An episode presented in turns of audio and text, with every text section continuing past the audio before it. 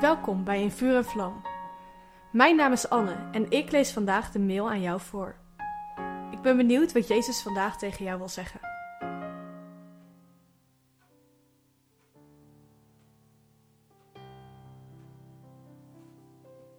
Lang geleden beloofde God al aan het volk Israël dat ze koningen en priesters zouden zijn. Zie Exodus 19, vers 5 en 6.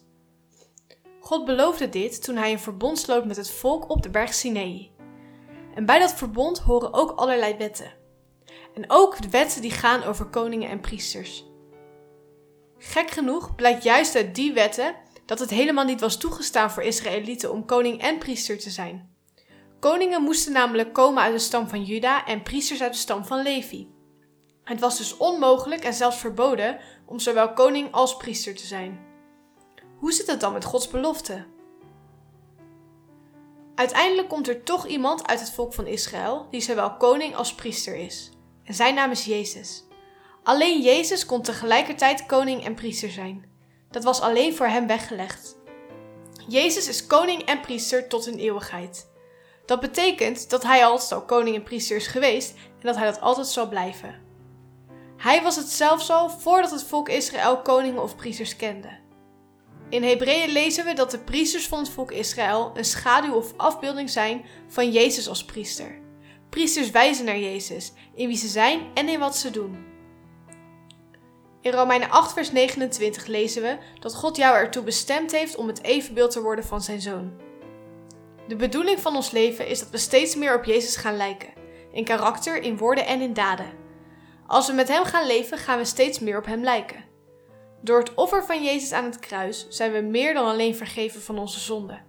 We krijgen zelfs een nieuwe rol en een nieuwe positie als mens. En dit is een koninklijke en heilige positie. Net als Jezus zijn ook wij koningen en priesters gemaakt.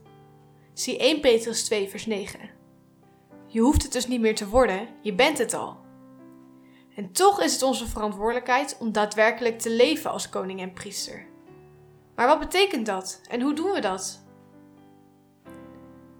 De ontdekking dat ik door het offer van Jezus tot een koning en een priester gemaakt ben, had enorme impact op mijn leven. Ik begon me te verdiepen in wat het betekent om priester te zijn. Het besef dat ik een priester ben en dat ik daarom mag leven als priester, helpt mij om te begrijpen wat het echt betekent om christen te zijn en om iedere dag te, te leven als christen. De aankomende weken onderzoeken we wat het betekent om te leven als priester. We zullen ontdekken dat priester zijn ontzettend praktisch is en dat het grote gevolgen heeft voor ons dagelijks leven als christen. Ik hoop dat jij ook het verlangen hebt om te leven met en als Jezus. Als dat zo is, dan is dit leesplan voor jou. Leven met Jezus is leven als priester.